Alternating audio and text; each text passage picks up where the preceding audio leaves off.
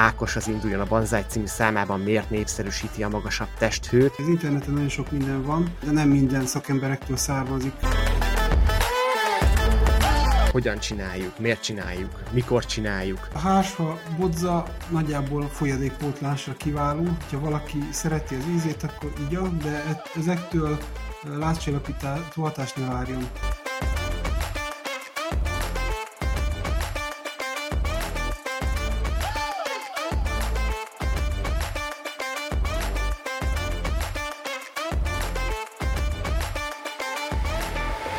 Nagy szeretettel üdvözlök mindenkit, ez a Konzilium második adása, mondhatni mérföldkő.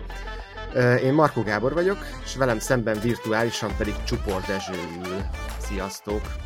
Sziasztok, üdvözlök mindenkit! Tulajdonképpen semmi nem változott, ott folytatjuk, ahol körülbelül egy hónappal ezelőtt abba hagytuk.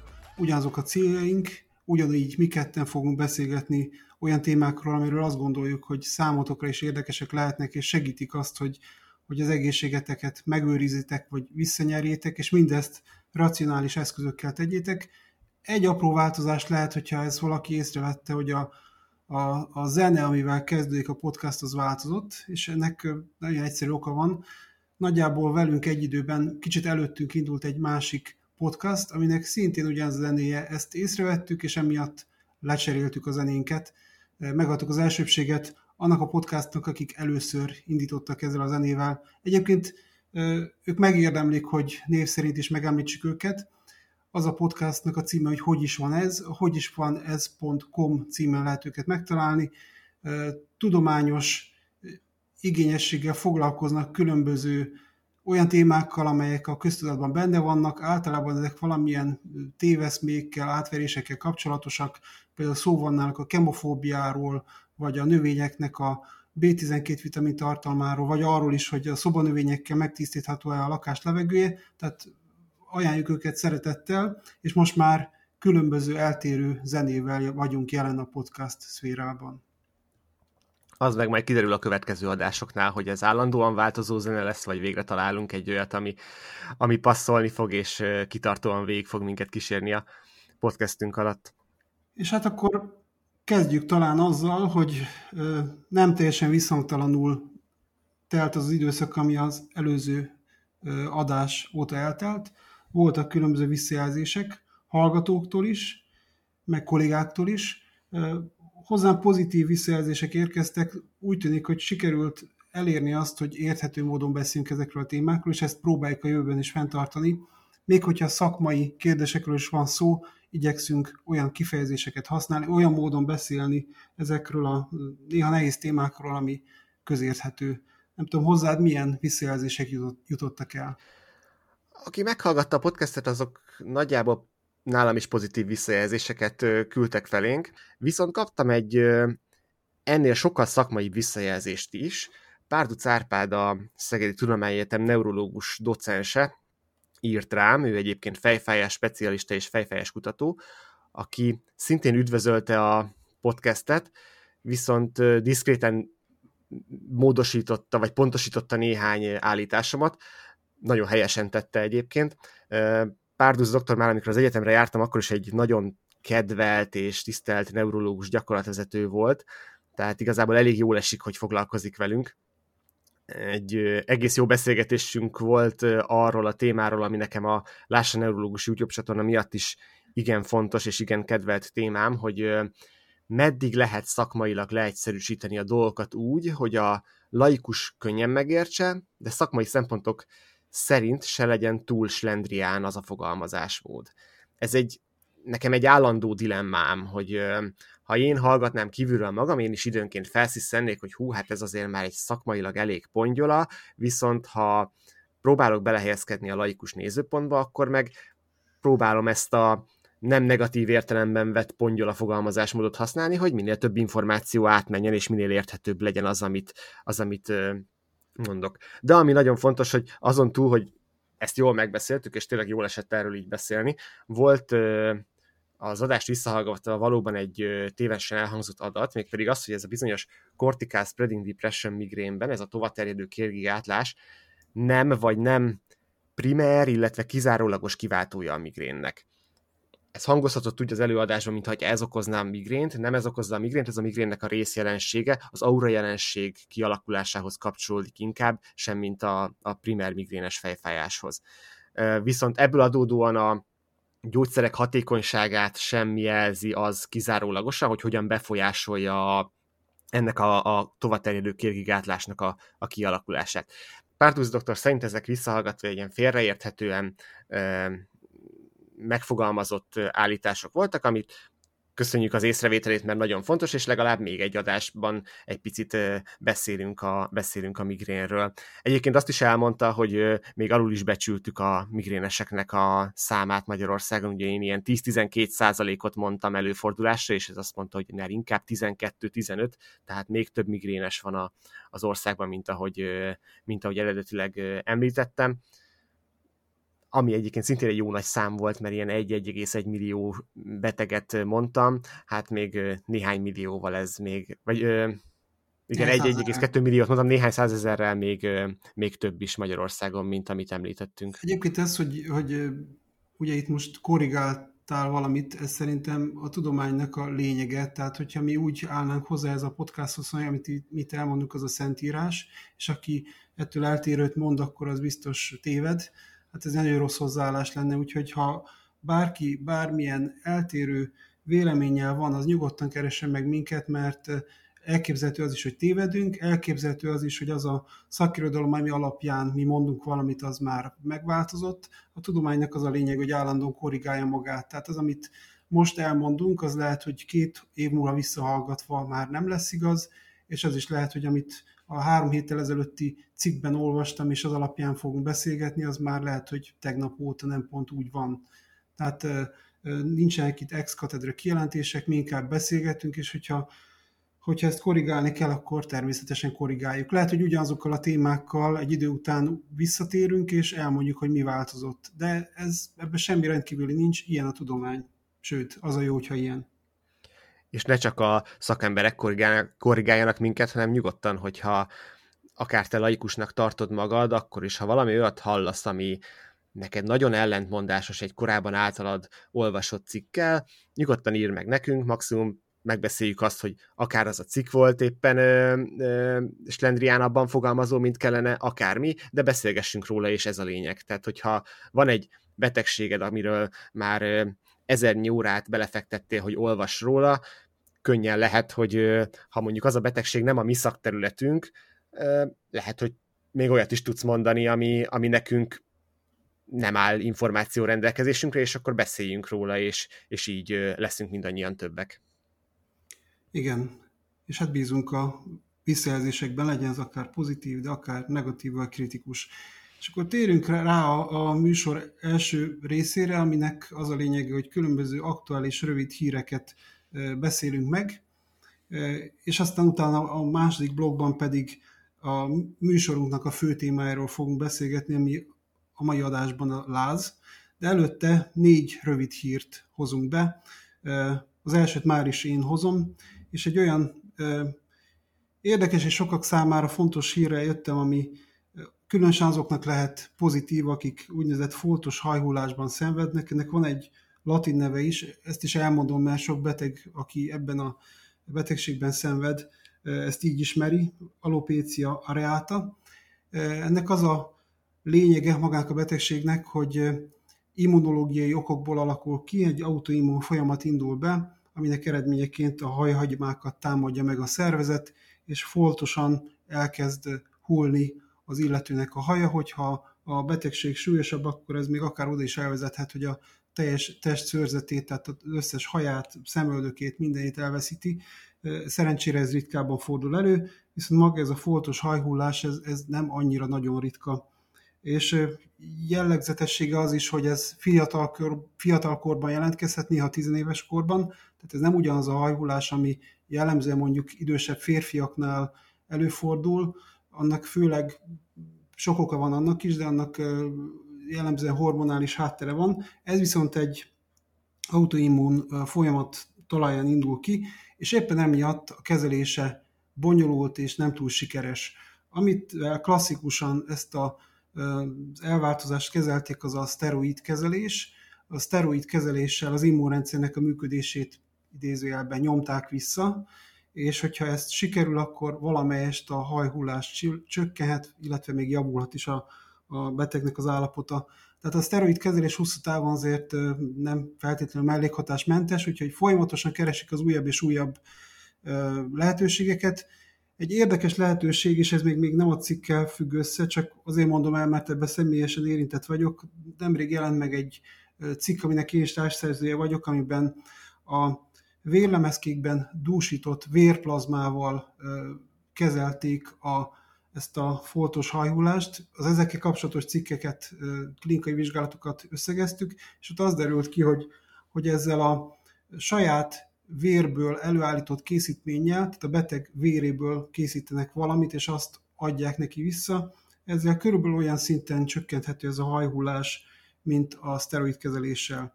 Na de ez még csak az előzmény, a, a hír, amit hoztam, az pedig egy Ritlecitinib nevű gyógyszerről szól, amit az USA-ban nemrég engedélyeztek, és az Európai Gyógyszerügynökség is vizsgálja ezt a szert, és ennek az a nagyszerűsége, hogy igen nagy hatékonyságot mutat. Tehát körülbelül a páciensek negyedénél 80%-ost meghaladó javulást lehetett elérni, ezt a ezt a mértékű javulást a korábbi terápiákkal nem tudták elérni. Külön pozitívum, hogy ennek a kezelésnek jelen ismereteink szerint nincsenek komolyabb mellékhatásai, és hát majd meglátjuk, hogy mit dönt az Európai Gyógyszerügynökség, de az USA-ban ez a szer e, már elérhető, ott 12 éves kortól adják, tehát azoknak a gyerekeknek, akiknek ez a foltos hajhulása jelentkezik, azoknak például egy hatalmas segítség lehet, hiszen gyerekkorban, amikor valaki ilyen módon kezd kilógni a társai közül, az, az elég sok problémát, pszichés terhelést is jelenthet. Tehát azt gondolom, hogy ez egy jó hír, és ennek örülnünk kell. Ez egy immunrendszerre hatószer, jól értem? Tehát, hogy akkor ez csak ebben az immunbetegségben használatos, és a, említetted, hogy a férfiakat érintő hókuszpókos kopaszodásra kevésbé jó. Ez azt feltételezi nekem, hogy akkor ez ténylegesen az immun folyamatot gátolja, és nem a, a hajhagymákra primeren van hatása. Igen, igen, igen, ez az immun folyamatokat gátolja, a teljes hatásmechanizmus az, az nem ismert, azt lehet tudni, hogy gátol különböző enzimeket, például a JAK enzimeket, illetve a tirozénkináz enzimeket, de ezen kívül más enzimeket is gátol, és végeredményben az immun folyamatnak a csillapításával éri el a hatását. Tehát itt még a hatásmódnak a feltárása az nem történt meg teljes mértékben, viszont a hatásosság az már több vizsgálatban is kiderült. Jó hangzik, ezek az immunszereknek ugye nagy ö, ö, forradalma van manapság, ugye a szklerózis multiplex készítmények is döntően így hatnak, kivéve ugye a pont az előző adásban említett Clemastin, de ezek az immunszerek, ezek, ezek, ezek folyamatosan fejlődnek, jó hatékonyságú szerek, Úgyhogy hát, ha ebben az autoimmunbetegségben is sikerül valamit tenni a betegekért, páciensekért. Te milyen híreket hoztál? A napokban jött velem szembe a hír Twitteren, és egy egészen jó beszélgetés is kialakult róla, ami arról szólt, hogy alapvetően az 1980-as évekre tehető világszerte, hogy a egyre terjedő hív és éc miatt kockázatosnak ítélték a homoszexuális populációt a véradás szempontjából. Emiatt akkor tájt elkezdték kizárni ezt a, ezt a réteget a, a véradásból. Mára ez a szabályozás a legtöbb helyen úgy szelidült, hogy azokat a homoszexuális véradókat zárják ki, akik a véradáshoz képest bizonyos időn belül éltek nem életet. Ennek az oka pedig az, hogy ugyan a vérkészítményeket szűrik, de van egy bizonyos ablakperiódus, amikor a fertőzött vér még nem feltétlenül kimutathatóan fertőzött, sokkal több az álnegatív eredmény, mint máskor, emiatt adnak egy ilyen ablakperiódust. Ilyen szabályozás van például Németországban, Csehországban, Belgiumban, tehát csak azért mondom, hogy nem egy nem a, a, az elmaradottabb egészségügyi, rendszerre rendező, rendelkező országokban, és ilyen szabályozás van Svédországban is, ahol a civil szervezetek épp most harcolnak azért, hogy ez a ez a diszkrimináció, ez a fajta diszkrimináció eltűnjön, mert hogy úgy néz ki, hogy ennek a tudományos megalapozottsága azért viszonylag gyenge lábakon áll. Tehát azt szeretnék, hogy a homoszexuális kapcsolatban élőkre ugyanazok a szabályok vonatkozzanak, mint heteroszexuális polgártársaikra. Az én óvatos véleményem egyébként ezzel kapcsolatban az, hogy ennek az oka nem is feltétlenül a vérhiány megoldása, bár nincs adatom rá, hogy a véradások hány százaléka hiúsul meg a szabály miatt, hanem ennek egy sokkal fontosabb társadalmi üzenete van, és egy sokkal fontosabb társadalmi hatást ér el ez a kampány, hogyha ha sikerül Svédországban átvinni. De az az érdekes, ami szempontunkból, hogy mi a helyzet Magyarországon. Én jól átnéztem a véradási szabályzatunkat, és azt kell, hogy mondjam, a mi véradási szabályzatunk meglehetősen liberális ebből a szempontból, amellett, hogy egyébként nyilvánvalóan tudományosan tökéletesen megalapozott.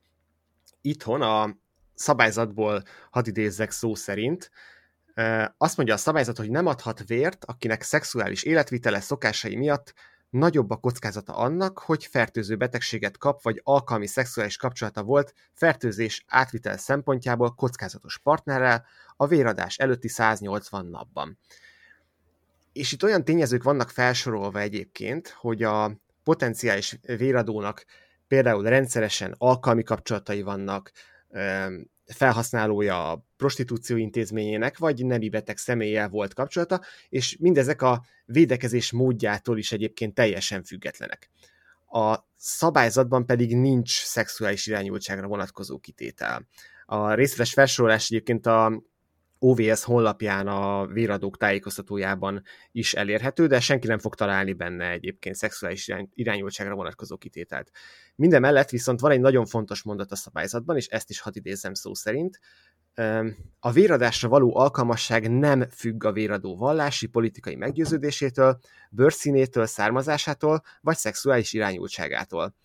Szóval ez azt mondja, hogy az előbbi szabályok, azok független a, függetlenek attól, hogy a potenciális véradónak milyen nemű a szexuális partnere. Csak azt nézi, hogy a szexuális partner alacsony vagy magas kockázatú nevőbetegségek szempontjából, de nem nézi a szexuális partnernek a nemét. Szóval így állunk itthon, és ez a, hogy is mondjam, haladó szellemű iránymutatás egy kicsit még büszkeséggel is eltölt, mivel hát kis hazánkban más utakon sokkal hát sokkal kevésbé liberális a gondolkodás, és úgy általában több a fólia, mint az elfogadás, vért pedig adjon mindenki, aki, aki tud. Ennek a fontossága meg egyébként nem is ennyire üres frázis, mint amennyire túlhasználtuk. A vérkészítmények rendelkezésre állásától tényleg elég nagy mértékben függ a, az egyébként sem oszlopos lábakon álló egészségügynek a működése. Szóval mindenkit biztatok, szexuális irányultságtól függetlenül a véradás bárkinek nyitott Magyarországon. Hát én azt csak annyit fűznék hozzá, hogy ugye az a jó, hogyha az egészségügyi ellátásban nem az ideológiák határoznak meg semmit, hanem például az, hogy olyan módon szűrik a leadott vért, hogy a fertőzésnek az esélye minimális legyen. És igazából ez a garancia, és ennek kapcsán lehet a szabályokon akár ilyen módon, ahogy a svédek megteszik, enyhíteni hiszen ugye itt nem csak, tehát azért nyugtassunk meg mindig, itt nem csak az van, hogy, hogy akkor amit beval az illető véradó, akkor attól függően azt mondják, hogy akkor ez a vér ez jó lesz, vagy ez a vér ez nem lesz jó. Tehát azok a vérkészítmények, amiket a betegeknek beadnak, azok szűrve vannak ezekre a betegségekre. Így van. Úgyhogy aggódni való természetesen egyik országban sincs. Ez inkább egy ilyen ideológiai kérdés, ami, aminek szerintem van társadalmi haszna, hogyha ilyen vagy, ilyen vagy olyan irányba eldől. A svédeknek meg hajrá, hogy utolérjék Magyarországot. Na, én egy teljesen más jellegű hírt hoztam, de szerintem ez is jó hír, és ez főleg azoknak lehet jó hír, akik visszatérő húgyúti fertőzésben szenvednek, alsó húgyúti fertőzésben. Ez, amit nagyon sok beteg, akinek ilyen baja van, felfázásnak nevez, jó lehet ezeknek a fertőzéseknek azért közvetlenül a felfázáshoz nincs közük. Ezek olyan jellemzően baktériumok által okozott fertőzések, amik az illető betegnek az életét megkeseríthetik. Részben azért, mert kellemetlen tüneteket okoznak, húgyúti tüneteket, fájdalom, fájás, csípőérzés, gyakori vizelés, de ezt nem részletezem, akit ez érint, az nagyon jól tudja sajnos. És a, a baj, vagy a probléma ezzel a betegséggel az, hogy a kezelés az nem túl könnyű, mert aki ilyen betegségre hajlamos, annak bizony gyakran újra és újra kiújul, és hát ilyenkor nagyon sokszor újra és újra antibiotikum kezelést kell kapjon, ami hát nem túl jó. Tehát az antibiotikumból, ha csak lehet, az antibiotikum kezelést el kell kerülni. Hát ebben az esetben nem lehet elkerülni, úgyhogy ők elég sok antibiotikum kúrán átesnek. Hát vannak alternatív módszerek, az alternatív módszerekről mindig az a fő kérdés, hogy ezeknek mennyi az értelme, és hogyha gyógynövényekről beszélünk, akkor ez még hangsúlyosabban fölmerül, mert a gyógynövényekkel kapcsolatban azért megosztott a, a betegeknek a vélekedése is, meg a szakértők, vagy a, az egészségügyi szakembereknek a hozzáállása is eltérő, és ezért jó, hogyha nem érzelmek meg benyomások alapján döntünk arról, hogy egy termék jó-e, hanem klinikai vizsgálatok alapján. És akkor is értem a hírhez. Most jelent meg nemrég egy nagy metaanalízis. A metaanalízis az azt jelenti, hogy a korábban elvégzett klinikai vizsgálatokat összegzik, és egyben elemzik a korábban megjelent nagyon sok vizsgálatnak az eredményét, nagyon sok betegen elért eredményeket, és ez a metaanalízis azt tanulmányozta, hogy a észak-amerikai nagytermésű áfonya, vagy amit nagyon sokan egyébként tévesen tőzegáfonyaként emlegetnek, az mennyire jó a húgyúti fertőzés megelőzésében. A, ebbe az elemzésbe 50 klinikai vizsgálatot, több ezer beteget vontak be, és különböző alcsoportokban is megnézték, hogy lehet-e csökkenteni a megbetegedés kockázatát, hogyha az illető ilyen észak-amerikai nagytermésű áfonya terméket fogyaszt.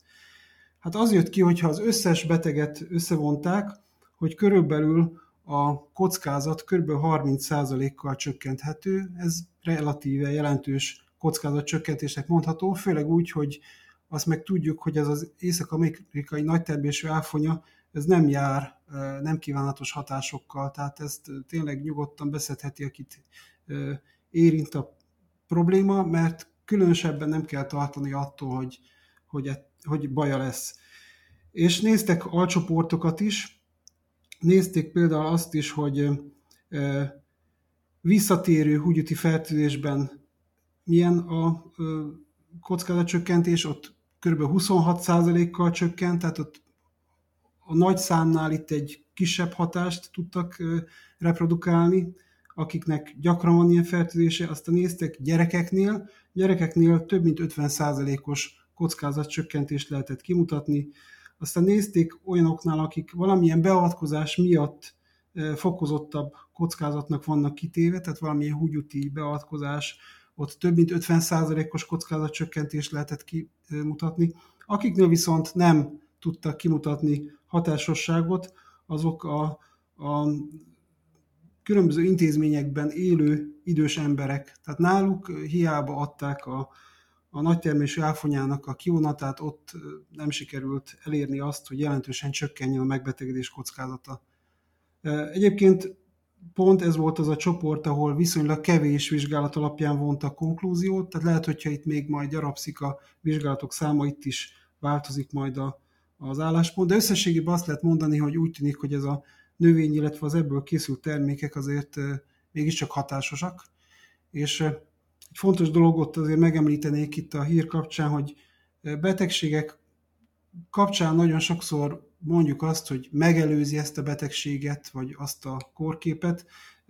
Hát itt látjuk, hogy, hogy, hogy amit helyesebben mondani kellene, az a kockázatcsökkentés. Tehát olyan beavatkozás, ami valamit teljes mértékben megelőz, hát olyan nagyon-nagyon kevés van. Sokkal inkább arról van szó, hogy ha valamit beszedünk, vagy valamilyen módon megváltoztatjuk az életmódunkat, akkor egy betegségnek a kockázata csökken. És néha egy 10-20 százalékos kockázatcsökkentés is igen jelentősnek bizonyul. Tehát abban a hitben senki ne éljen, hogy bármilyen tabletta kapszulának a bevételével ő teljesen megvédi magát valamitől. Tehát itt mindig kockázatcsökkentésről lenne helyes beszélni, mint amit ebben a vizsgálatban is kimutattak. Tök jó, hogy hoztad ezt a hírt, mert aki így a közösségi médiában követi időnként a megszólalásaimat, akkor én azért elég hangosan szoktam kiállni egyes alternatív gyógyászak, gyógyászati eszközökkel kapcsolatban, legyen az akár szélsőséges természettudományos dolgok, akár ennél, ennél sokkal-sokkal vadabb eszközök. de hogy nem a természetes gyógymódokkal van a probléma, azokkal van a probléma, amiről nincsen alátámasztott bizonyíték, és tök jól látható, hogy, egy, hogy amikor már odáig eljut egy készítmény, hogy metaanalízis készül róla, tehát nagyon sok pici kutatás már rég megelőzte, és azok is pozitívak, és ezt még összegzik, és kijön, hogy szuper és milyen jó, akkor az igenis elfogadható alternatív gyógyászat. Azok nem elfogadhatók, amik, ezek, amik ezekkel az eszközökkel nem élnek, tehát nincs ilyen fajta bizonyíték, vagy akár ha megnézzük a homeopátiát, ugyanilyen metaanalízisen tökéletesen kijött, hogy haszontalan. Tehát ott megtörtént a metaanalízis, ott megtörtént a sok kicsi kutatás, megtörtént a sok kicsi kutatásból való összegzés, és mindenhol kijött, hogy nem hatékony, mégis ott van a boltok polcaim, sőt, sok esetben, sokkal rosszabb esetben a orvos ajánlja a rendelőben. Hát igen, mi, mi azt képviseljük ezzel szemben, hogy a bizonyítékokon alapuló orvoslás szerint kellene eljárni, és azért is beszélünk itt bizonyítékokról, hogy, hogy megmutassuk, hogy mi az, amire van, és mi az, amire nincs. Azt is el fogjuk mondani, hogyha valamire nincs. Itt most pont ez a hír, ez egy pozitív hír volt, de hogy aztán senki ne érezhesse azt, hogy, hogy itt ilyen bemondásos alapon azt mondjuk, hogy a nagytermésű áfonya az jó, ezért azt tudom ígérni, hogy a leírásba az összes hírnek a linkjét majd be fogjuk rakni, tehát majd meg tudjátok nézni, hogy mi alapján mondtam például én azt, hogy ez a ez a növény ez jó, és mi alapján mondtam azt, hogy ez a hajhulás elleni szer, ez, ez szintén jónak tűnik. Úgyhogy nézzétek majd a podcastnak a leírás részét, ott lesznek a linkek. És a negyedik hírünk könnyedebb vizekre evez. Már egy ideje elérhető Magyarországon is a streaming, a streaming platformokon az Introducing Selma Blair című dokumentumfilm, ami a színésznő szklerózis multiplex való küzdelmét járja körül, és emellett egészen frissen vált elérhetővé Michael J. Fox hasonló dokumentumfilmje a Parkinson korjáról. Mindkét film azért fontos, mert emberközelivé teszi ezeket a, ezeket a betegségeket.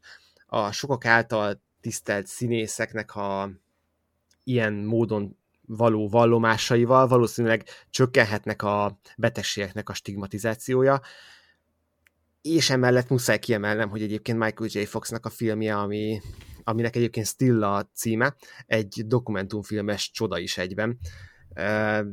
Nem is, nem is láttam még ilyen formátumú dokumentumfilmet, úgy kell elképzelni, hogy a színész saját mai jeleneteiben a dokumentumfilmes szokás szerint a kamerába beszél, mint egy direkt módon, de az illusztráció a vágóképeken, akkor is, amikor a saját életéről és nem a filmjeiről beszél, azok a régi sorozataiból, moziaiból bevágott jelenetek, amik valami elképesztő módon harmonizálnak a, a Michael J. Fox életével, meg a, az elmondottakkal, szóval csodálatos ez is, csodálatos a Sam Abernek a dokumentumfilme is, mindenki nézze meg, akár érintett szkerózis multiplexben, akár érintett Parkinson-korban, vagy a családtagja érintett Parkinson-korban, vagy egyébként bárki csak azért, hogy egy picit szélesebben informálódjon, meg picit közelebb hozza, ember közelibbé tegye saját maga előtt is ezeket a egyébként nagyon súlyos és gyakran stigmatizáló betegségeket.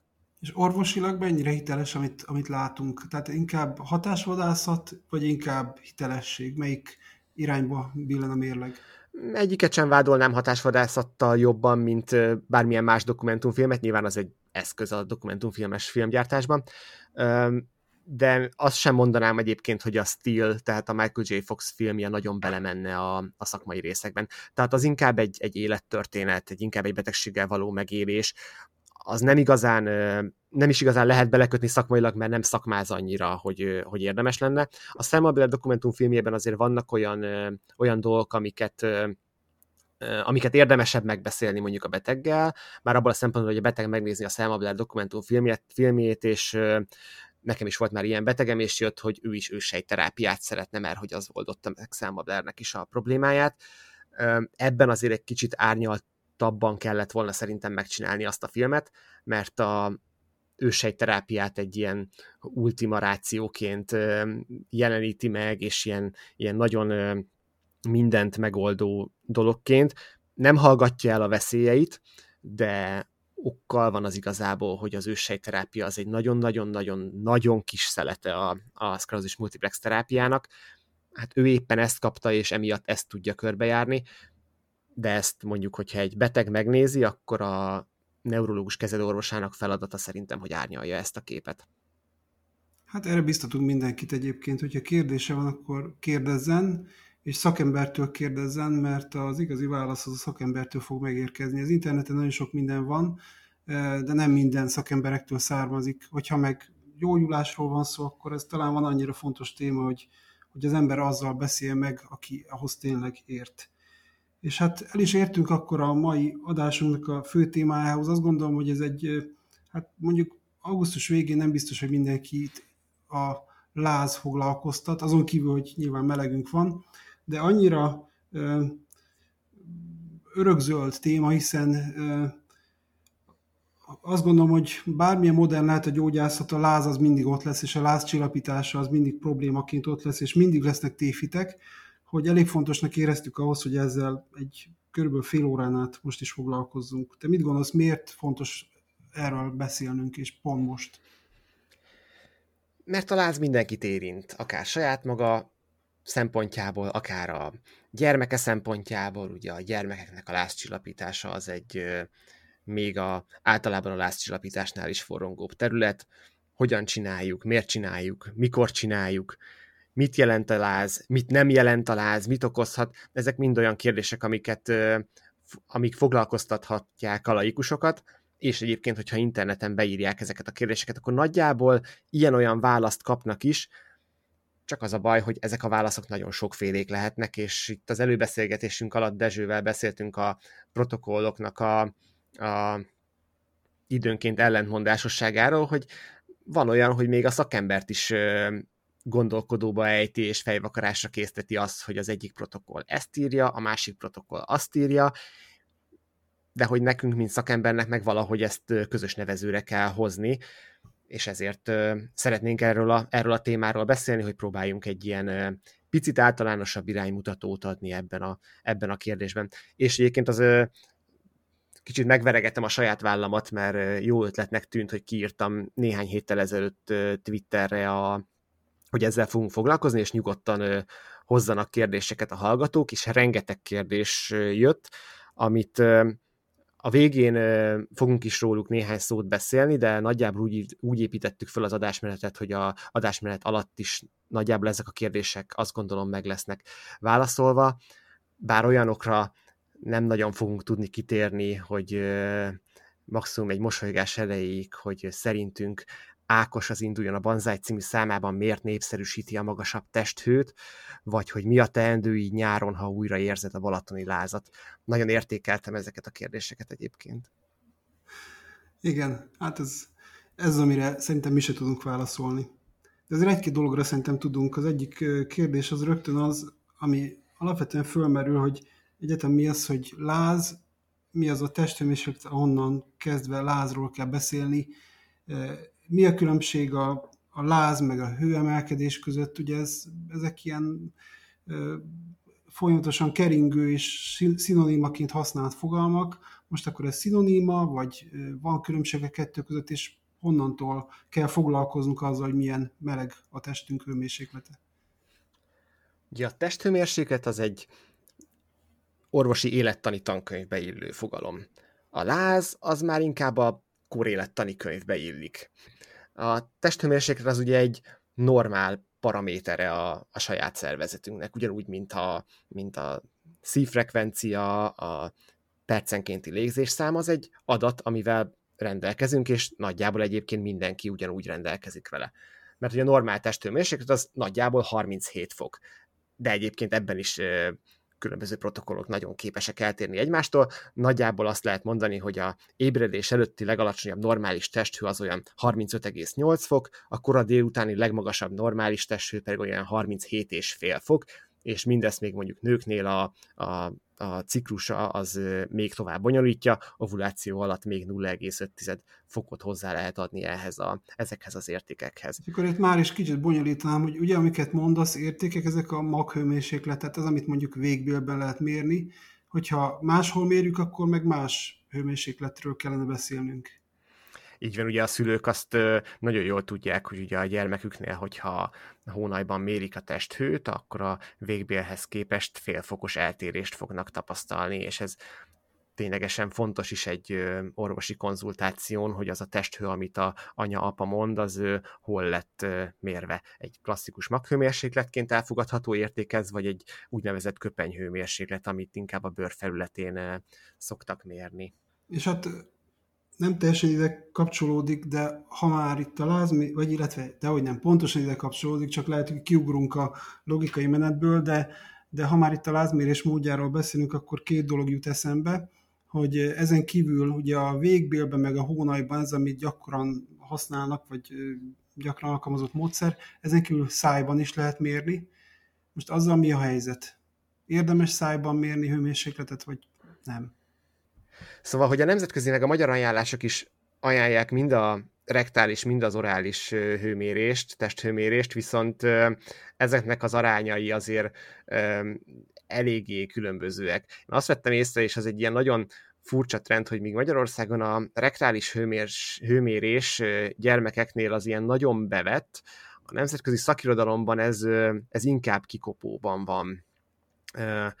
Ami még fontos, hogy ugye a higanyos lázmérést azt egyáltalán nem ajánlják már, de ez nyilván a, a higanyos lázmérőnek a felépítéséből adódik, helyette ajánlják a digitálist. Nagyon népszerűek manapság ezek az úgynevezett fülhőmérők, amit tulajdonképpen egy timpanikus hőmérő, ezt csak egészségügyi intézményben ajánlják a, a protokollok, annak ellenére, hogy ezek bárki számára elérhetőek és kapható készítmények, de mivel ezek esetleges fülfolyamatok esetén megnehezíti a mérést, sőt, egyes esetekben még kárt is tudnak ezzel csinálni a szülők, hogyha fülhőmérőt használnak, mert ők nem tudják megállapítani, hogy egyébként az a láz akár lehet egy fülfolyamatnak is a jele.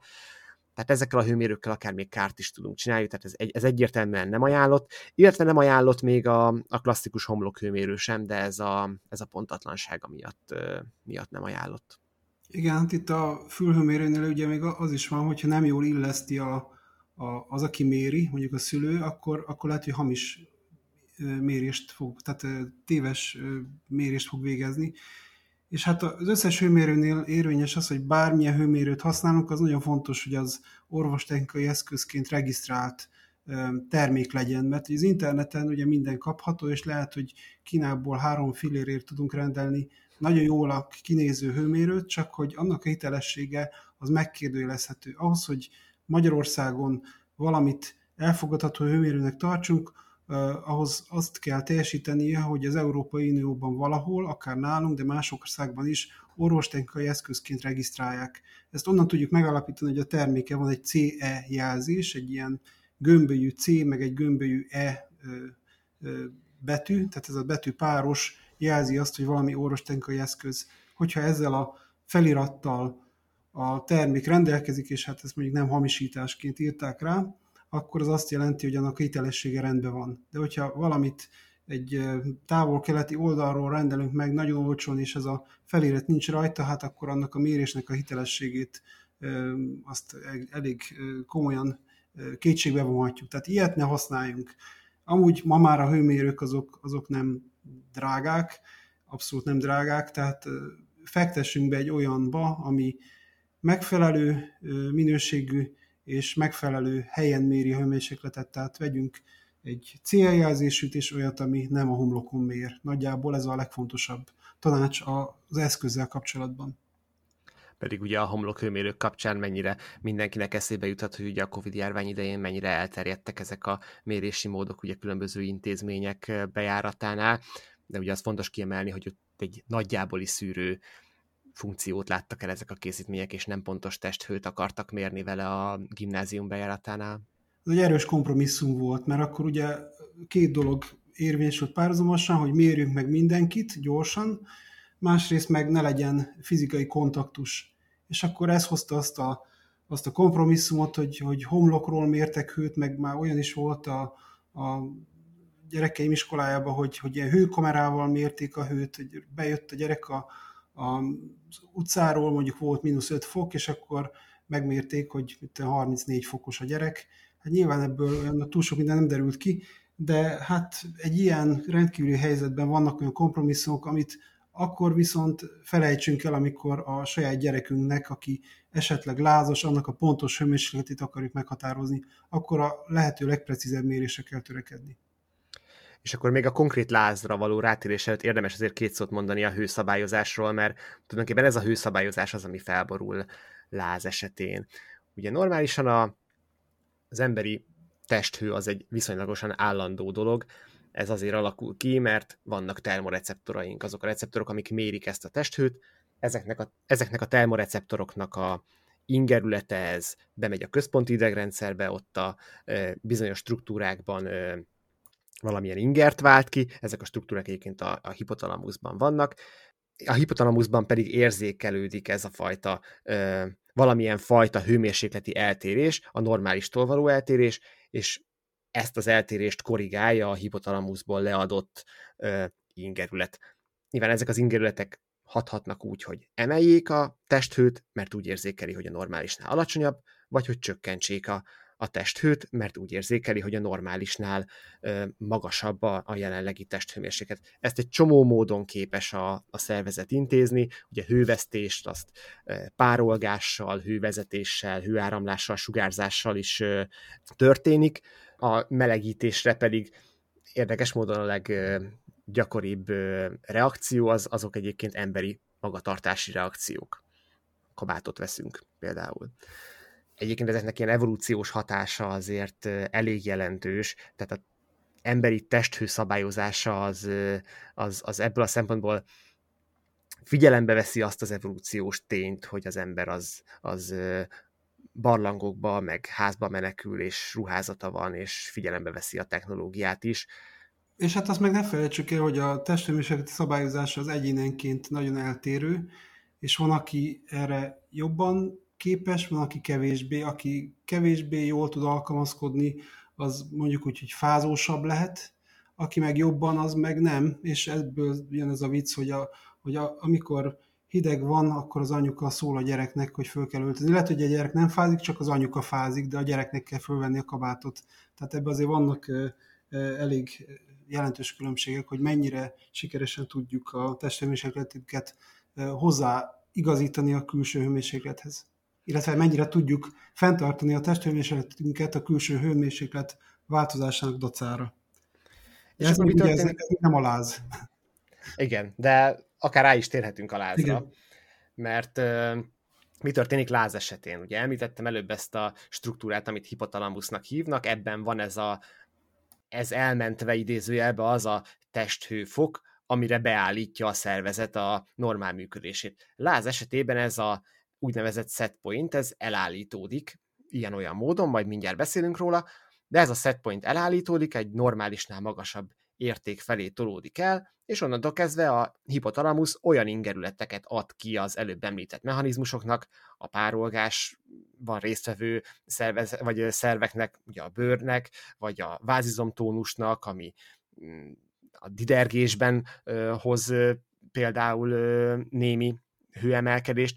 Tehát ezek olyan, ezek olyan, ez az hipotalamusz olyan ingerületeket ad ki ezeknek a szerveknek, amik az elállított setpointhoz igazítják a testhőt. És az az elállított setpoint, ez időnként lehet egy 39-40 fokos setpoint is, amikor már teljesen egyértelműen lázról beszélünk, független attól, hogy milyen protokollt olvasunk. A láz az, az egy tünet, de hát millió oka lehet, és uh, alapvetően uh, az a jó szerintem, hogyha azért az ember ezt a az okot kideríti, és ezt sokszor nem tudja otthon kideríteni. A lázcsillapítás miatt, a lázcsillapításról azért is kell beszélnünk, és azért áldozunk rá egy, egy podcastot, mert a láz az tipikusan olyan dolog, amit az ember otthon vényekül beszerezhető gyógyszerekkel csillapítani tud.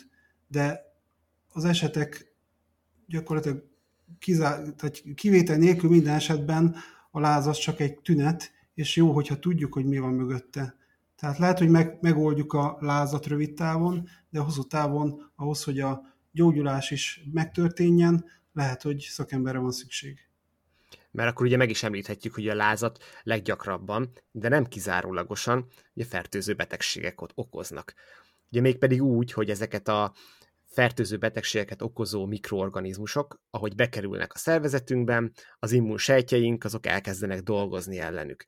Lebontják a bomlás termékeik, mármint a fertőző ágenseknek a bomlás termékeik, különböző immunrendszerben résztvevő citokineknek a, a, a felszabadulását váltják ki, és ezek a citokinek, ezek befolyásolják például azt a hipotalamus setpointot, amiről az előbb beszéltem. Nyilván ez egy durva leegyszerűsítése a dolgoknak, de ugye előbb beszéltünk a szükséges leegyszerűsítések és a slendrián szakmai megfogalmazás között. Én ezt a nagy citokin kaszkádot egy ö, ilyen podcastben elegánsan lehet, hogy átugornám, de majd a ö, kezelés kapcsán, esetleges gyógyszeres kezelés kapcsán a Dezső valószínűleg bele fog menni. De a lényeg, hogy a fertőző ágensek jönnek, citokinek is jönnek velük együtt, és ezek a citokinek pedig elállítják ezt a hőmérsékleti setpointot, és kialakul egy magasabb elvárt testhő a hipotalamus szerint. Ez a magasabb elvárt testhő lehet hőemelkedés, ezt ö, nagyjából 38,5 fokig ö, veszik ö, hőemelkedésnek a különböző protokollok, 38,5 fok fölött pedig láznak hívjuk. Ez egyébként ugye mindegyik maghőmérsékleti értéket jelent, de azt az előbb már, már említettük. És akkor a dolgot egyébként az bonyolítja, amire Dezső is utalt, hogy ez csak egy tünet. Nem tudjuk, hogy konkrétan mi okozza a lázat. Az esetek nagyobb részében valóban egy fertőzés, de ha fertőzés okozza, akkor se tudjuk, hogy milyen fertőzés. Szükség van-e például antibiotikumra, szükség van-e kórházi megfigyelésre. Ezek mind-mind olyan kérdések, amik egy esetleges orvosi látogatás kapcsán derülnek csak ki, akár a lázcsillapítása után, de erről is megoszlanak egyébként a protokollok véleménye, hogy ha lázas a gyermek, vagy lázas a beteg, akkor lázcsillapítás előtt vagy után érdemes-e orvoshoz menni. Én azért inkább azt javasolnám, hogy ne szenvedjen az a gyerek, csillapítsuk a lázát, aztán forduljunk orvoshoz, hogyha ha szükség van. De a dolgot az bonyolítja, hogy például hőemelkedést, akár heteken keresztüli, vagy hónapokon keresztüli hőemelkedést nem csak fertőző betegségek okoznak, hanem különböző autoimmun betegségek is, vagy akár bizonyos tumoros betegségek, bizonyos ö, ö, érrendszeri betegségek, érgyulladások, műtét utáni állapotok. Tehát ezek mind-mind olyan dolgok, amik, amiket azért említek, hogy, hogy mindenki érezze, hogy a láz az, az nem egy nem egy, nem egy olyan dolog, amire a Dezső is utalt, nem egy olyan dolog, ami, ami egy betegség, amit meg kell oldani lázcsillapítóval. Az valamilyen betegséget jelez, amit valamilyen módon meg kell oldani, ez a legritkább esetben a, a lázcsillapító. A lázcsillapító azért van, hogy a közérzete jobb legyen a betegnek, jobban érezze magát, de a betegségét nem fogja megoldani a lázcsillapító. Igen, hát nagyon sokszor virális betegségeknél alakul ki láz, például influenzára jellemző a láz, meg felső légúti fertőzésekben, amikor valamilyen vírus okozza a fertőzést és a, az ezzel társuló gyulladást. Na hát ezekben az esetekben tényleg arra lehet jó a lázcsillapítás, ha szükséges, hogy a beteg azt a pár napot, amíg a szervezet leküzdi a fertőzést, azt jobb életminőségben élje meg. Maga a lázcsillapító az nem fogja a vírust elpusztítani, és hát az a rossz hír, hogy ezeket a légúti vírusokat, beleértve az influenzát is, hatásosan, gyógyszeresen kiírtani nem lehet, tehát itt az a cél, hogy azt a pár napot, amíg a fertőzés magától megszűnik, azt a beteg hát ne nagyon szenvedje meg. Hogyha indokolt, akkor csillapítjuk a lázat. Eddig az okról beszéltünk, de egyébként szerintem lehet, hogy fontos azt is megelőteni, hogy mi az egésznek a célja. Tehát miért, van, miért vagyunk lázasak, hogy ennek van-e valami értelme? Szerintem, illetve hát nem szerintem, hanem a szakirodalom szerint is ennek két célja van. Az egyik cél az, hogy Bizonyos esetekben ez hívja föl a figyelmet arra, hogy zajlik egy korfolyamat, amire oda kell figyelni, tehát ez egy jelzés, de egyúttal az immunrendszert segíti abban, hogy az immunrendszer leküzdje azt a fertőző ágenst, amivel az immunrendszer éppen megküzdeni próbál, mert az immunrendszer bizonyos elemeinek a működése az nem a normál testhőmérsékleten igazán hatékony, hanem valamivel magasabb hőmérsékleten.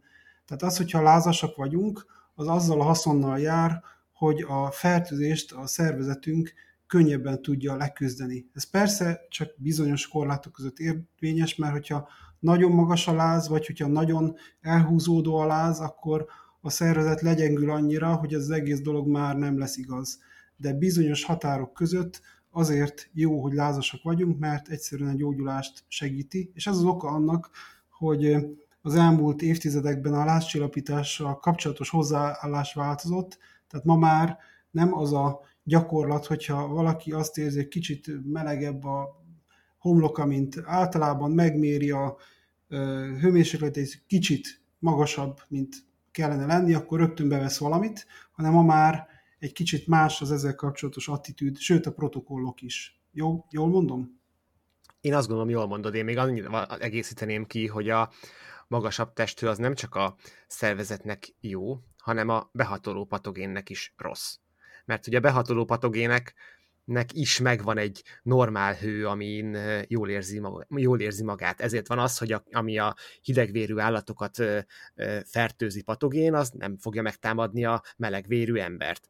Viszont ezek a melegvérű embert támadó patogének is ezen a normál 37 fokos testhőn érzik jól magukat, hogyha csak egy-két fokot emelkedik a testhőmérséklet, az ő ö, enzimrendszerei, az ő funkciói, azok, azok már rosszabbul fognak működni, mint normál testhőn. Persze nem akarom, és ez így az egész műsor arról szól, hogy ez egy nagyon kényes egyensúlyt próbálunk fenntartani, mert most ez alapján, csak, ha csak ezt a mondatot ragadjuk ki, akkor innentől kezdve azt kellene mondani, hogy semmilyen oka nincs a lázcsillapításnak. Ami nem igaz, mert tényleg mérlegre kell tenni a közérzetet, tényleg mérlegre kell tenni az életminőséget, különösen egy gyereknél, tehát egy gyereknek viszonylag nehéz megmagyarázni 39,5 fokos testhőnél, hogy figyelj, Nyuszka, hogyha most ezt kibírod, akkor a patogének kicsit rosszabbul fognak viselkedni, te cefetül érzed magad, de muszáj kibírni. Senki nem mondja ezt a gyerekének, nyilván lázat kell csillapítani. Igen, van a Csecsemés Gyermekgyógyászati Szakmai Kollégiumnak egy ajánlása, ez egy magyar ajánlás, és abban például pont ez jelenik meg, hogy nincs egy ilyen objektív szám, ami fölött mindenképpen adni kell, hanem ott azt írják, azt fogalmazzák meg, hogy a gyereknek az élet minősége, tehát az, hogy ő hogy érzi magát. Hogyha elesett, rosszul érzi magát, akkor csillapítani kell, de hogyha objektíven mérve viszonylag magas láza van, de mégis jól érzi magát, tehát nem elesett, játszik, jó kedve van, akkor nem kell feltétlenül azonnal lázcsillapításhoz folyamodni. De egyébként nagyon magas láznál, illetve ha az a láz tartós, akkor nem csak, hogy a lázcsillapítás indokolt, hanem akkor viszont már orvoshoz is kell fordulni, főleg akkor, hogyha mondjuk egy újszülöttről vagy egy pár hónapos gyerekről van szó. Tehát vannak olyan esetek, amikor a szülő megoldhatja a helyzetet egy gyereknél, mert el tudja dönteni, hogy most ez a fél napja beteg gyerek az mennyire érzi magát rosszul a lázasságtól, és akkor ettől függően ad neki valamit, vagy nem ad. De vannak olyan helyzetek, újszülöttek, csecsemők, vagy hosszú ideje lázas gyerekek, ahol viszont már ne a szülő próbáljon dönteni erről. Igen, és vannak bizonyos flagek ebből a szempontból, amit akkor itt ezen a ponton érdemes is megemlíteni. Tehát egyes ajánlások szerint, vagy hát legtöbb ajánlás szerint kiemelhető néhány nagyon egyértelműen meghatározott pont, ami ha fennáll, akkor azonnal orvoshoz kell fordulni. Ez olyan pontok is szerepelnek itt, hogy egyébként egy hónapos, egy hónapnál fiatalabb csecsemő esetén függetlenül attól, hogy hogy van a gyermek, mennyire van jól, mennyire van rosszul, ha látszólag semmi baja nincsen, tök jól érzi magát, de lázat mérünk neki, orvoshoz kell fordulni. Tehát ők egy nagyon, nagyon kivételesen veszélyeztetett korcsoport, tehát ott nem az van, hogy ha elesett, ha, ha bármi baja van, nem. Egy hónapos kor alatt mindenképpen orvoshoz kell fordulni. De orvosi vizsgálat szükséges akkor is, hogyha a láz mellett olyan dolgokat tapasztalunk, hogy a gyermeknek erős fejfájása van, zavarja a fény, ezek ugye agyhártyagyulladásra, agyvelőgyulladásra utalhatnak. Ezek nagyon súlyos és nagyon gyorsan romló betegségek, tehát minden esetben orvoshoz kell fordulni, ha ezek felmerülnek a láz kapcsán. Ha a gyereknek nehéz légzése, fulladása van, ez ugye olyan mértékű ö, tüdőgyulladást vagy légzőszervi gyulladásnak a fennállását jelzi, ami szintén orvosi segítséget igényel most azonnal, vagy fog igényelni rövid időn belül, tehát meg kell keresni az egészségügyi ellátót ha a gyerek folyamatosan hány, ha nem tud inni. Tehát annyira gyorsan kiszáradnak a gyermekek, hogy muszáj orvoshoz menni, hogyha ezek, ezek fönnállnak. Az aluszékonyság, a tudatzavar, ez is mind központi idegrendszeri fertőzésre utal. Nincs kérdés, hogy orvost kell megkeresni, mint ahogy akkor sem, hogyha valamilyen bőreltéréseket látunk, lila foltokat, vérzéses kiütéseket, ez pedig egy, egy specifikus meningitisnek a, a jele lehet, ami szintén egy nagyon-nagyon gyorsan romló központi idegrendszeri infekciót jelez, és minél hamarabb orvoshoz kell fordulni. Tehát ezeket a redflageket, hogyha ha megpróbálja a szülő megegyezni, és ezeket betartja, akkor azt gondolom, hogy a fölösleges orvoshoz járás is valamilyes csökken, viszont minden esetben, amikor szükséges az orvos, akkor orvoshoz fog jutni a, a, a szülő a gyermekével. Még itt ennek kapcsán az jutott eszembe, hogy az gyakran hangoztatott tévhit, vagy sok szülő gondolja úgy, hogy a fogzás az, az lázzal járhat. És ez oda vezethet, hogyha egyéb okból van láza a gyereknek, akkor ráfogjuk, hogy hát ez csak azért van, mert hogy úgyis nő a foga. Hát ez, ezt a dolgot, hogy itt van összefüggés a láz meg a fogzás között, ezt már cáfolták, tehát tényleg elképzelhető néhány tized fokos testhőmérséklet emelkedése a fogzás alatt, de olyan mértékű, amitől a gyereknek láza, vagy komoly láza lehet, ilyen mértékű testhőmérséklet emelkedés nem alakul ki. Tehát ha a fogzási időszakban lévő gyereknek magas láza van, és ez tartós, akkor ne intézzük el annyival, hogy hát biztos nő a foga, mert ettől biztos, hogy nem fog komoly lázzal szembesülni. Viszont ha már valamihez társítunk lázat, a, az oltások szintén ilyenek. Ugye az oltások kapcsán is gyakran emlegetjük, hogy, hogy oltás kapcsán kialakuló láz, vagy oltás utáni láz. Ez viszont egy létező, létező dolog. Tehát egy csomó oltás után MMR, HEPA oltás, DTAP, COVID oltás, mind-mind ezután előfordul láz a, gyermeknél, vagy egyébként a felnőttnél is egy COVID oltás kapcsán. Ezek a, ezek a lázak általában az oltás után 24 órán belül kezdődnek, maximum egy-két napig tarthatnak, kivéve az MMR oltás és a varicella kapcsán, ami az oltás után akár hetekkel is elkezdődhet. Persze itt ezt nehéz megállapítani, hogy mondjuk az MMR oltás utáni harmadik héten a láz az az MMR oltástól van-e, vagy valamilyen más ok van a háttérben, de ha az előző retfeleken végigmegy a szülő, akkor nagyjából meg tudja ítélni, hogy azonnali orvosi segítségre van-e szükség. És itt muszáj kiemelni, mert ugye ez is egy, akár a hírekbe is betehettük volna, hogy ugye ha már egészségügyi podcastot csinálunk, akkor muszáj az oltások kapcsán megemlíteni, hogy ugye most van a HPV oltásnak a szezonja, nem is tudom, hogy mondják ezt. Lényeg az, hogy a hetedikes gyermekeknek a szülei most szeptember közepéig jelezhetik a, az iskolába, hogyha kérik a gyermekeiknek ezt az ingyenes HPV oltást. Igen, és hát bármilyen oltásról beszélünk, ami jelenleg forgalomban van, mindegyikről azt azért tudni célszerű, hogy az a mellékhatás, amit okoznak, amik közül egyébként leggyakoribb a láz, annak a, az abból adódó kockázat sokkal-sokkal-sokkal kisebb, mint az oltás által elérhető haszon. Tehát a hőemelkedés vagy láz az viszonylag gyakran előfordul, ez valahol normális, és hiszen az immunrendszerre hatással van a, az oltás, és ez lázban is manifestálódhat, viszont ezt a kellemetlenséget érdemes elviselni azért, hogy egy betegségnek a későbbi, későbbi előfordulását megelőzzük. Úgyhogy senkit ne ijesszen el az, hogy esetleg egy-két órán, néhány órán, néhány napon keresztül esetleg rosszabbul érzi magát egy védőoltástól. A haszon, mint mondtam, sokkal-sokkal nagyobb. Így van. És akkor gyógyszerészként beszélsz egy kicsit a lázcsillapításról? Egyelőre a ténylegesen gyógyszeres lázcsillapításról, hogy erről is ejtsünk pár szót? Igen, ez egy fontos kérdés, mert ezek a hatóanyagok, amikről majd szót ejtek, ezek vény nélkül beszerezhetőek, tehát valamilyen minimális ismerettel szerintem mindenkinek érdemes rendelkeznie. Két olyan hatóanyag van, amit szerintem a legtöbb hallgató ismer, hiszen ez, amit a leggyakrabban használnak, az egyik az ibuprofen, a másik a paracetamol.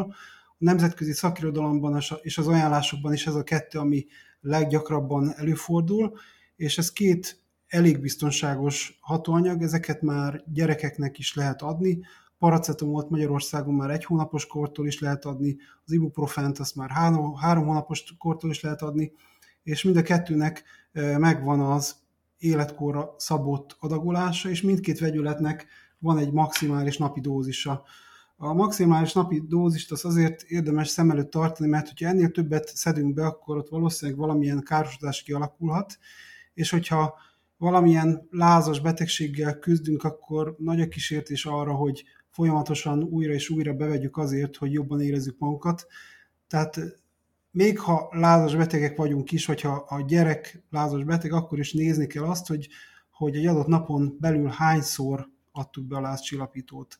Egyébként ez a, a lázcsillapító dózis az ibuprofénnél az testtömeg kilogramra számítva 10 mg, 6-8 óránként, tehát ugye attól függően, hogy a gyerek mekkora, ezt ki lehet számítani, a paracetamolnál 10-15 mg 4-6 óránként, tehát ennél többet egy gyerek nem kaphat. És a maximális dózis, ez már felnőtt dózis mondok, az ibuprofénnél 1,8 g, a paracetamolnál meg 4 g.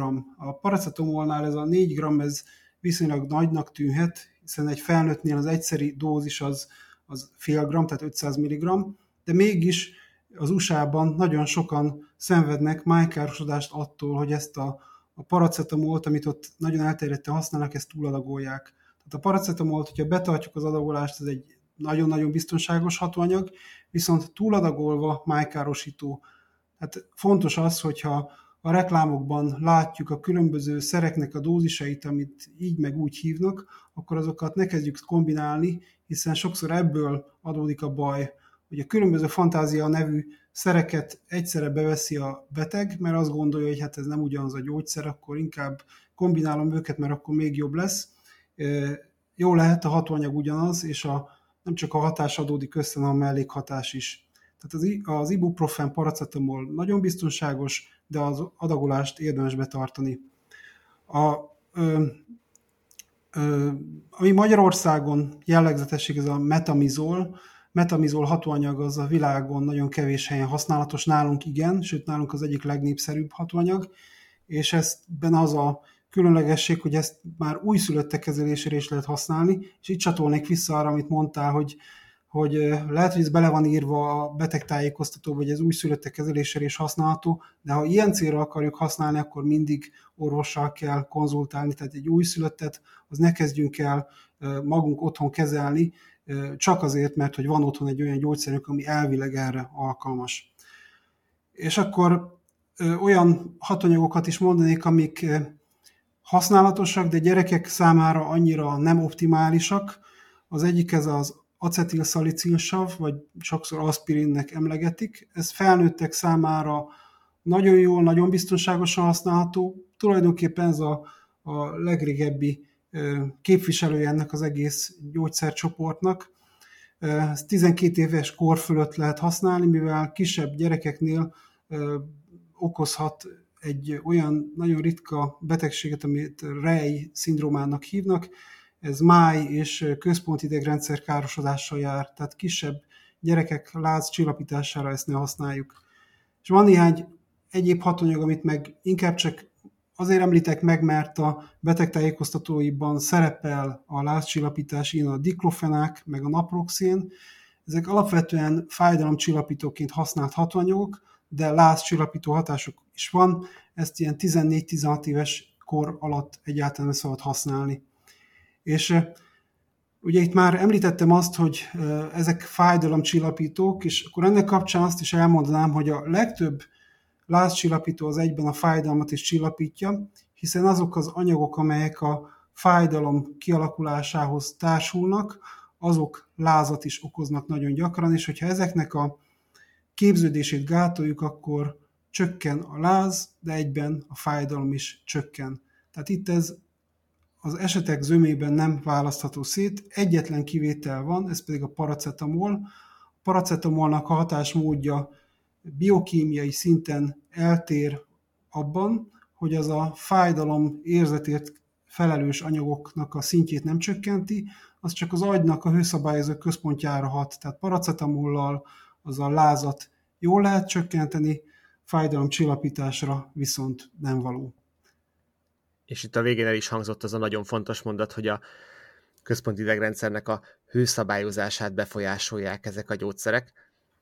Mindegyik, akár direkt módon, akár a termelődő citokineken keresztül, ellentétben, és ezt nagyon sokan kérdezték a közösségi médiában is a, a adás kapcsán, ellentétben a hűtőfürdővel, prizniceléssel és bármilyen más fizikális módon való hűtéssel, amiről ha csak néhány cikket olvasunk, úgy néz ki, hogy megoszlanak a vélemények, ha azért többet olvasunk, akkor inkább már egyértelműen afelé megyünk, hogy nem ajánlott lázcsillapítási módszerek ezek a fizikális hűtések, különösen gyereknél. Ugye mivel nem állítják, nem befolyásolják ezt a hipotalamuszban ezt a set pointot, ezt a hőmérsékleti pontot, ezért gyakorlatilag a fizikális hűtés leállásánál, abbahagyásánál a láz, a testhő pont ugyanúgy meg fog emelkedni, mint előtte, ellenben a gyermeknek iszonyatos kínokat tud csinálni egy hűtőfürdő, vagy akár csak egy hideg priznicelés, és a magyar ajánlás picit megengedőbb, mint a nemzetközi. A nemzetközi egyáltalán nem ajánlja a fizikális hűtést. A magyar ajánlás azt mondja, hogy megpróbálható, de ha a betegnek, diszkom- ha a gyermeknek diszkomfortot okoz, akkor nem ajánlott folytatni. Nem tudom, hogy van-e olyan gyerek, akinek a hűtőfürdő nem okoz diszkomfortot, de fontos kiemelni, hogy a magyar ajánlás egy picikét, egy icipicit megengedőbb, mint a, mint a külföldi vagy a nemzetköziek. Hát ha gyereket hideg vízbe beleteszik, akkor biztos, hogy nem fogja jól érezni magát.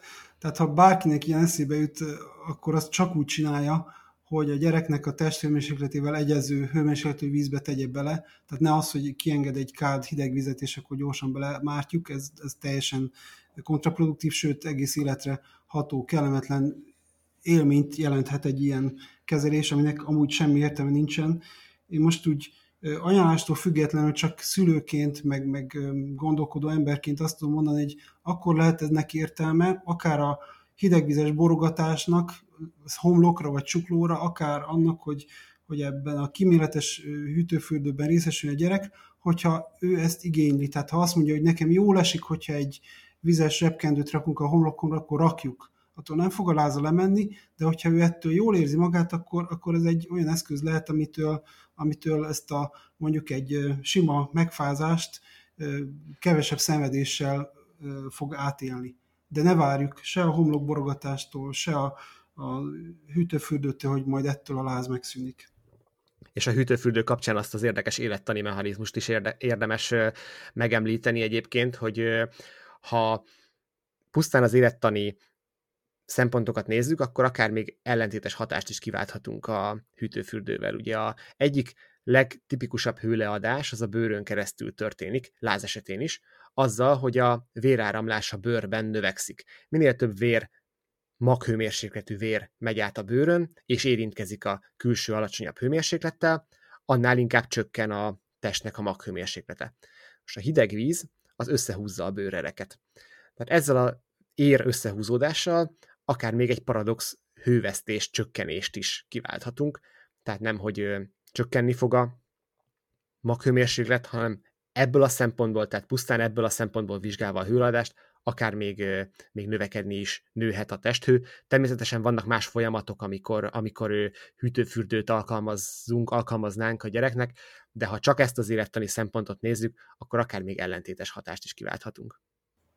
Igen, és még egy dolog jutott eszembe itt, amit a paracetamolnál elfelejtettem mondani, e, meg ugye általában a lázcsillapításnál, hogy ugye azt már említettük, hogy a lázat ok nélkül csillapítani nem érdemes, mert akkor a, az immunrendszernek a működése az nem optimális, meg, meg talán nem pusztul olyan gyorsan a vírus, hogyha az okozza a lázat. Még egy dolog van, ami miatt e, e, indokolatlanul nem szabad lázat csillapítani, ez pedig az, hogy egyre biztosabbnak tűnik, hogy aki, az a gyerek, aki nagyon sok gyulladáscsökkentő lázcsillapítót kap, annak nagyobb az esélye arra, hogy később a fogai elromoljanak.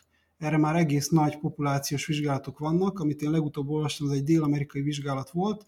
Ott azt nézték, hogy, hogy azoknak a gyerekeknek a körében, akik nagyon sok lázcsillapítót kaptak kisgyerekkorukban, ott gyakrabban, jelentősen gyakrabban alakul ki fogtörékenység, tehát egyszerűen törnek a fogaik. Emögött a, a, a mechanizmus az már ismert, tehát elméletileg tudjuk, hogy ez miért van, de úgy tűnik, hogy ez a dolog nem csak elméletben alakul ki, hanem a valóságban is. Tehát ez is egy tény, ami miatt azt mondhatjuk, hogy akkor kell a lázat csillapítani, hogyha indokolt. Tehát az, aki, az a gyerek, aki lázra hajlamos. Vannak ilyen gyerekek, hogy gyakrabban kapnak el ilyen vírusos fertőzéseket, és könnyebben belázasodnak. Az ő esetükben nem az a jó megoldás, hogy akkor bármilyen kis hőemelkedésnél beadunk neki valamit, már csak ezért sem, amit az előbb mondtam. Félve kérdezek rá, mert nem tudom mennyire bonyolult, mert bevallom őszintén nekem ez az összefüggés nem volt meg, de a miértről beszélsz egy kicsit, hogy a lázcsillapítók és a fogtörékenységnek az összefüggéséről? Igen, a magának a cikloxigen, az enzimnek, meg a prostaglandinoknak is szerepe van a fog fejlődésben, és ezeknek a képződését, vagy ezeknek a működését gátolják a lázcsillapítók, illetve kimutattak konkrétan egy transzkripciós faktort, ez a RUN X2, ez a neve ennek a transzkripciós faktornak, ami szintén kell a normál fogfejlődéshez, fogfejlődéshez, és ennek a transzkripciós faktornak a termelődését gátolják a ibuprofen, meg az összes többi ilyen nem szteroid gyulladáscsökkentő. Tehát itt ez, ez magyaráz az összefüggést, tehát ez a, az elméleti háttér ismert, de most már azt is tudjuk, hogy ez gyakorlatban számokkal kimutatható módon befolyásolja a fogak egészségét. Lassan egy picit a hallgatói kérdésekre rákanyarodva, de a lázcsillapításhoz és a te szakmához nagyon közel állva hozzátartozik. Mi a helyzet a különböző természetgyógyászati szerekkel, fitoterapeutikumokkal? Valaki itt írta a, a Twitteren a hársfát, bodzát, kakukfüvet, hogy ezeknek milyen a hatékonysága a tradicionális gyógyszeres lázcsillapításhoz képest? Hát a hársfa, bodza az nagyjából folyadékpótlásra kiváló. Ha valaki szereti az ízét, akkor igya, de e- ezektől lázcsillapító hatást ne várjon. A kakokkfő az annyiban más, hogy annak van vírusellenes hatása, elméletileg ha vírusos eredetű a betegség, akkor valamit segíthet, bár a klinikai evidencia az a, a kakokkfűnél teljesen hiányzik. Viszont vannak olyan növények, amelyek elméletileg a lázat is képesek csillapítani, ilyen mondjuk a fűszfakéreg, meg ilyen a réti legyezőfű. Ezekben a növényekben olyan hatóanyagok vannak, mint ami például az aspirinben is. Az aspirint az, azt ezekből a növényekben található vegyületekből fejlesztették ki. De hogy mégis ma miért nem fűszfa kérek teát iszunk, hogyha lázasok vagyunk, ennek is megvan az oka, és az ok az pedig az, hogy a fűszfában olyan molekuláris formában fordulnak elő ezek a lázcsillapító anyagok, amelyek, amelyeket a szervezet át kell alakítson ahhoz több lépésben, hogy lázcsillapító hatású anyagokká váljanak. És ez a a, ez az átalakítás, ez időt vesz igénybe. Ha lázasok vagyunk, akkor, akkor azt szeretnénk, hogy ez a láz ez minél előbb lemenjen. Ezért a fűszfakéreg, meg a réti legyezőfű, ez, nem, ez a kettő nem tud versengeni a modern lázcsillapító gyógyszerekkel a hatás kialakulásának a sebességében. Tehát a gyógyszerek azok gyorsabban csillapítják a lázat. A réti legyezőfű, meg a meg a fűszakéreg az, az inkább akkor lehet jó, és használják is ilyen célra, hogyha valakinek valamilyen krónikus fájdalma van, tehát mondjuk valamilyen tértfájdalma, ahol nem az a lényeg, hogy beveszem és akkor azonnal elmúljon, hiszen tartósan kezelésre szorul. Ott még akár konkurensek is lehetnek a gyógyszerekkel, de a lázcsillapításban nem. Egyébként, ha már itt a fűszakérget mondtam, itt az egy érdekes sztorit elmondanék, hogy egyáltalán a fűszakéreg az, az hogy vált közismert lázcsillapítóvá, és itt a, a történet ez a 18. században kezdődik, amikor a legtöbb problémát okozó lázas betegség az a malária volt. A maláriát azt, azt kínafakéreggel kezelték, kínafakéreg az Dél-Amerikában él, és hát a beszerzéssel nehézségek voltak, és megpróbáltak Európában olyan növényeket keresni, amivel kiváltható a kínafakéreg. És egy angol lelkész találta potenciális alternatívaként a fűszakérget, és a kiindulási alap, hogy miért pont a fűszakérget gondolta, hogy jó lesz láz, ellen, az az volt, hogy ugyanúgy keserű a fűszakéreg, mint amilyen keserű a kínakéreg. És azt gondolta, hogy ha ez is keserű, meg az is keserű, akkor hát, ha jó lesz lázra. És kiderült, hogy igen, a fűszakéreg jól csillapítja a lázat. Ez a felismerés ment aztán tovább egészen az aspirin kifejlesztésig, Ma már így utólag tudjuk egyébként, hogy a, a kinakéreg meg a fűszakéreg az teljesen más módon hat. A fűszakéreg tényleg konkrétan lázat csillapítja, a kinakéreg az pedig azáltal csillapítja a lázat, hogy a malária kórokozóját pusztítja el. Tehát teljesen más módon hat, de érdekes, hogy ez a közös jellemző, a keserű íz, ez mégis kicsit előmozdította a, a, tudományt. Tehát nagyjából ennyit tudnék mondani a növényekről, hogy olyan növény, amivel célzottan, racionálisan lázat lehet csillapítani, olyan nincsen. Gyógyteákat nyugodtan igyunk, de ne azt várjuk tőle, hogy ettől majd meggyógyulunk gyorsabban, vagy, vagy elmúlik a lázunk. Jobb-e a féladag gyógyszer, hát ha, majd ismételni, vagy inkább egyből a teljes dózis kell a lázcsillapítókból? Ez nagyon jó kérdés, és jó, hogy föltették, mert magam, magamtól nem biztos, hogy eszembe jutott volna. Ez egy nem jó gyakorlat, tehát ezt mindenféleképpen ö, ö, elutasítanám, mert a, a hatékony dózis alatti gyógyszer az nem fogja elérni a célt, viszont bizonyos mellékhatások még ennél a kisebb dózisnál is megjelenhetnek. Tehát, hogyha, hogyha indokolt a lázcsillapítás, akkor kapja meg a, a gyerek a rendes dózist, ha viszont bizonytalanok vagyunk, akkor inkább kérdezünk meg egy szakembert, de semmiképpen ne kezdjünk el próbálkozni azzal, hogy mi az a legkisebb dózis, amit én, mint szülő kitalálok, és majd azzal csillapítom a gyerekeknek a lázát. Tehát megvannak azok az ajánlások, testsúlykilogramra kiszámítva, amivel tudjuk bizonyítottan, hogy célt lehet érni. Ez alatt nem érdemes.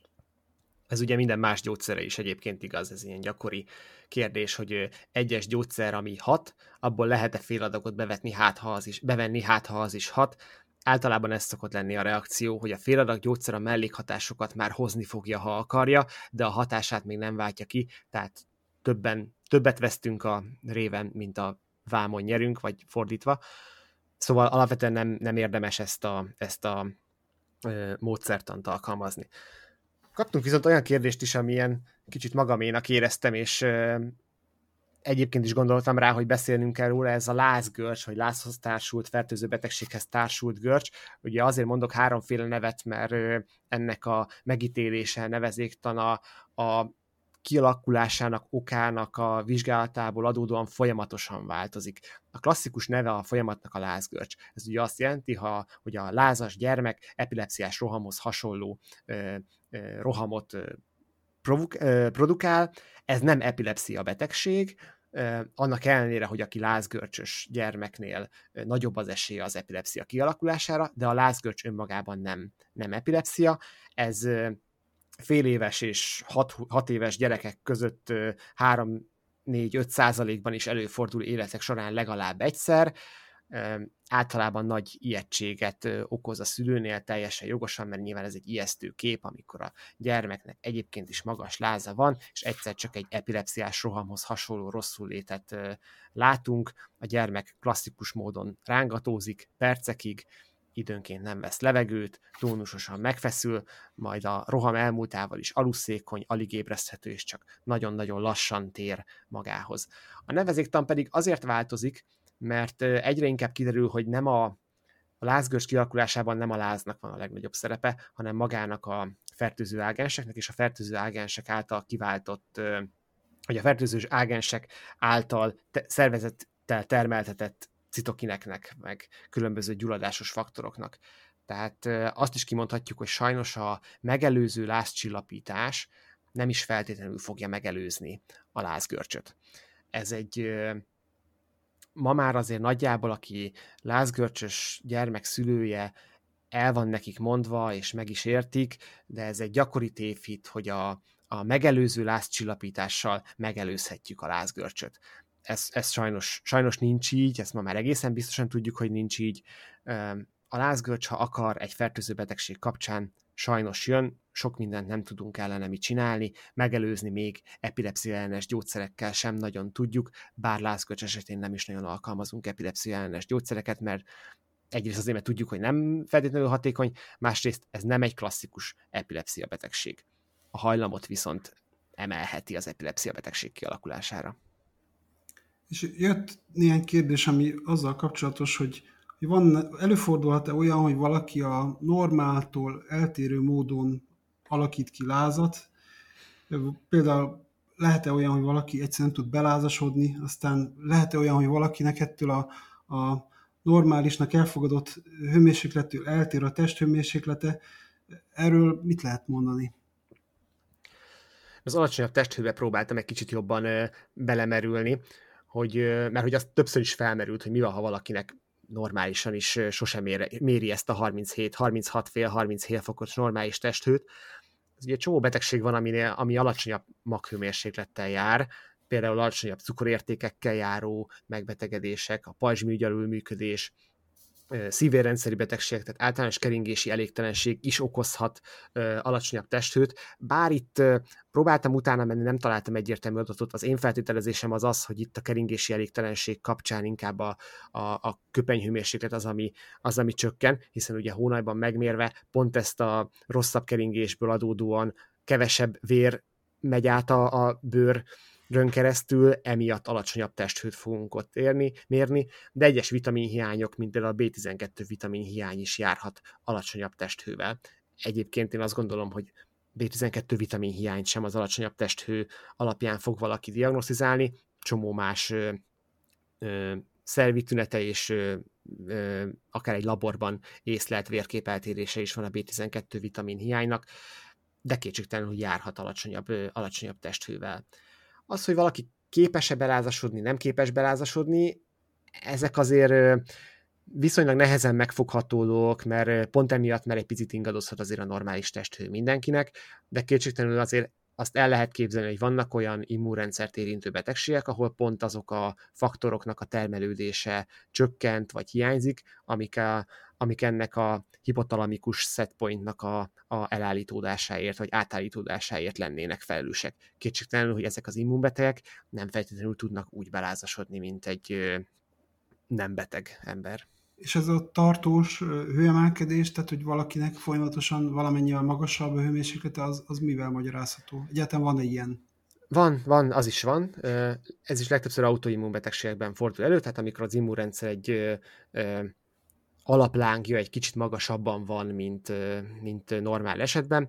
Ugye amikor az immunrendszer egy picit aktívabb folyamatosan, akkor ezek az immun folyamatok, ezek az említett, a már említett citokinek is nagyobb mennyiségben lehetnek jelen a vérben, és emiatt ez a, ez a hipotalamikus setpoint szintén elállítódhat hosszú távon is, de itt is említhető a folyamatos főemelkedésnél, vagy hívjuk inkább magasabb normál testhőmérsékletnek, pajzsmirigy betegeknél, csak ugye pont nem a pajzsmirigy alulműködés esetén, mint a alacsonyabb testhőnél, hanem a pajzsmirigy túlműködése jön szóba a magasabb testhő esetén, de ugye mindenféle olyan ö, larvált, krónikus, fertőző betegség, ami alig okoz tünetet, de folyamatosan ott van a szervezetben, akár egy szívbelhártya gyulladás is tartós hőemelkedést okozhat, anélkül, hogy bármi más problémát tenne. Illetve még a tumoros betegségek egy nagy zsák, ami, ami szintén okozhat tartós testhőmérséklet emelkedést. Ez a klasszikus szervi tumorokra is igaz, gyomorbérrendszeri tumorokra is igaz, de akár a vérképző szervi tumorokra is, például egy linfómára szintén jellemző lehet egy folyamatos hőemelkedés. És akkor itt még volt egy-két olyan kérdés, amire, amire én reagálnék. Az egyik ez a lehet-e felezni a kúpot. Ez is egy nagyon fontos kérdés, és ez gyógyszerészi kérdés kifejezetten, mert ahhoz, hogy megválaszoljuk, tudni kell azt, hogy hogyan készül egy kúp. Ugye a kúpokban a hatóanyag az nagyon sokszor nem oldott formában van, hanem a kúpnak az alapanyagába belekeverik a, a por formájú hatóanyagot, és amikor a kúpot öntik, mert a kúpot azt nagyon sokszor öntéssel készítik, beleöntik ezt a ezt a keveréket a kubformába, akkor a, ennek a porformájú hatóanyagnak egy része az hajlamos leülepedni a kúpnak a végébe. És ebből van az, hogy a, a kúpból, a kúpot akkor tudjuk valójában jól elfelezni, hogyha hosszában vágjuk ketté. Ha keresztbe vágjuk ketté a kúpot, akkor két olyan felet fogunk kapni, aminek az egyik felében kisebb hatóanyagtartalom van, a másikban meg nagyobb. Tehát ez semmiképpen nem jó, ezért célszerű a kupot hosszában ketté vágni, mert hogyha hosszában vágjuk, és ez a vágás viszonylag jól sikerül, akkor nagyjából két azonos hatóanyagtartalmú felet fogunk kapni. De ez a felezés, ez, ez, ez, ez, ez ne azt a célt szolgálja, hogy, hogy akkor mondjuk a, a szükségesnél kisebb hatóanyag mennyiséget adjunk a betegnek, mondjuk a beteg gyereknek, hanem azt a célt szolgálja, hogy a testtömeg kilogramnak megfelelő dózist kapja. Tehát van, hogy tényleg felezni kell kúpot, mert hogy a test, test súlyhoz egy kisebb dózis is elegendő, és abban az esetben így hosszában célszerű felezni a kúpot. Aztán volt, aki kérdezte, hogy a különböző típusú lázcsillapítókat lehet-e együtt alkalmazni. Elvileg lehet, tehát nincs olyan, ami ezt ellenjavolná. Értelme túlzottan nincsen, hiszen a lázcsillapítók, amiket emlegettem, mindegyiknek a napi dózisa relatíven nagy, és hogyha azt a napi dózist elérjük, akkor lehet benne ráció, hogyha mondjuk napi dózis a maximumát ibuprofentből beadtuk, akkor utána elkezdünk neki paracetamolt adni, de ez már olyan súlyos lázat jelent, amikor ne otthon próbálkozunk. Tehát amikor már a napi maximális dózis sem volt elegendő, és még mindig valamit kéne adni, akkor ezt már ne otthon próbáljuk megoldani. Tehát ezért mondom azt, hogy ez a, a lázcsillapítókat keverjük, ez, ez ne legyen gyakorlat, az meg főleg ne legyen gyakorlat, hogy egyszerre kettőt adunk be, tehát beadunk egyszerre egy paracetamot, meg egy, meg egy ibuprofent, ez nem jó gyakorlat, mert ki kell derülnie annak, hogyha a terápiás dózissal, tehát az, ami rá van írva, hogy ajánlott dózis, ha azzal nem csillapodik a láz, akkor szintén orvoshoz kell fordulni, mert akkor ott valami komolyabb probléma lehet. Tehát ez egy ilyen általános tanács ezzel kapcsolatban. Maradt még valami? Én szerintem nagyjából végigértünk. Én azért a legeslegutolsó helyre föltett kérdésre azért várnék egy nagyon egyértelmű választ, hogy a 20%-os ecetbe áztatott nagy vastag pamutzokni viselése mennyire csillapítja valójában a lázat. Hát tudományos cikket nem találtam erről, de ez most csak vicc. Hát nyilván semmi értelme nincsen. Mondjuk lehet, hogy van olyan folt, amit a 20%-os 20%-os ecettel el lehet távolítani a vastag pamutzokniból, de hát ennek aztán a, a, a lázcsillapításhoz valami kevés köze van. Tehát ezek az ilyen viccesnek tűnő módszerek, mint ugye rakjunk az okninkba hagymát, ilyet is láttam, meg krumplit, meg mindenféléket, ezekkel sajnos lázat csillapítani nem lehet.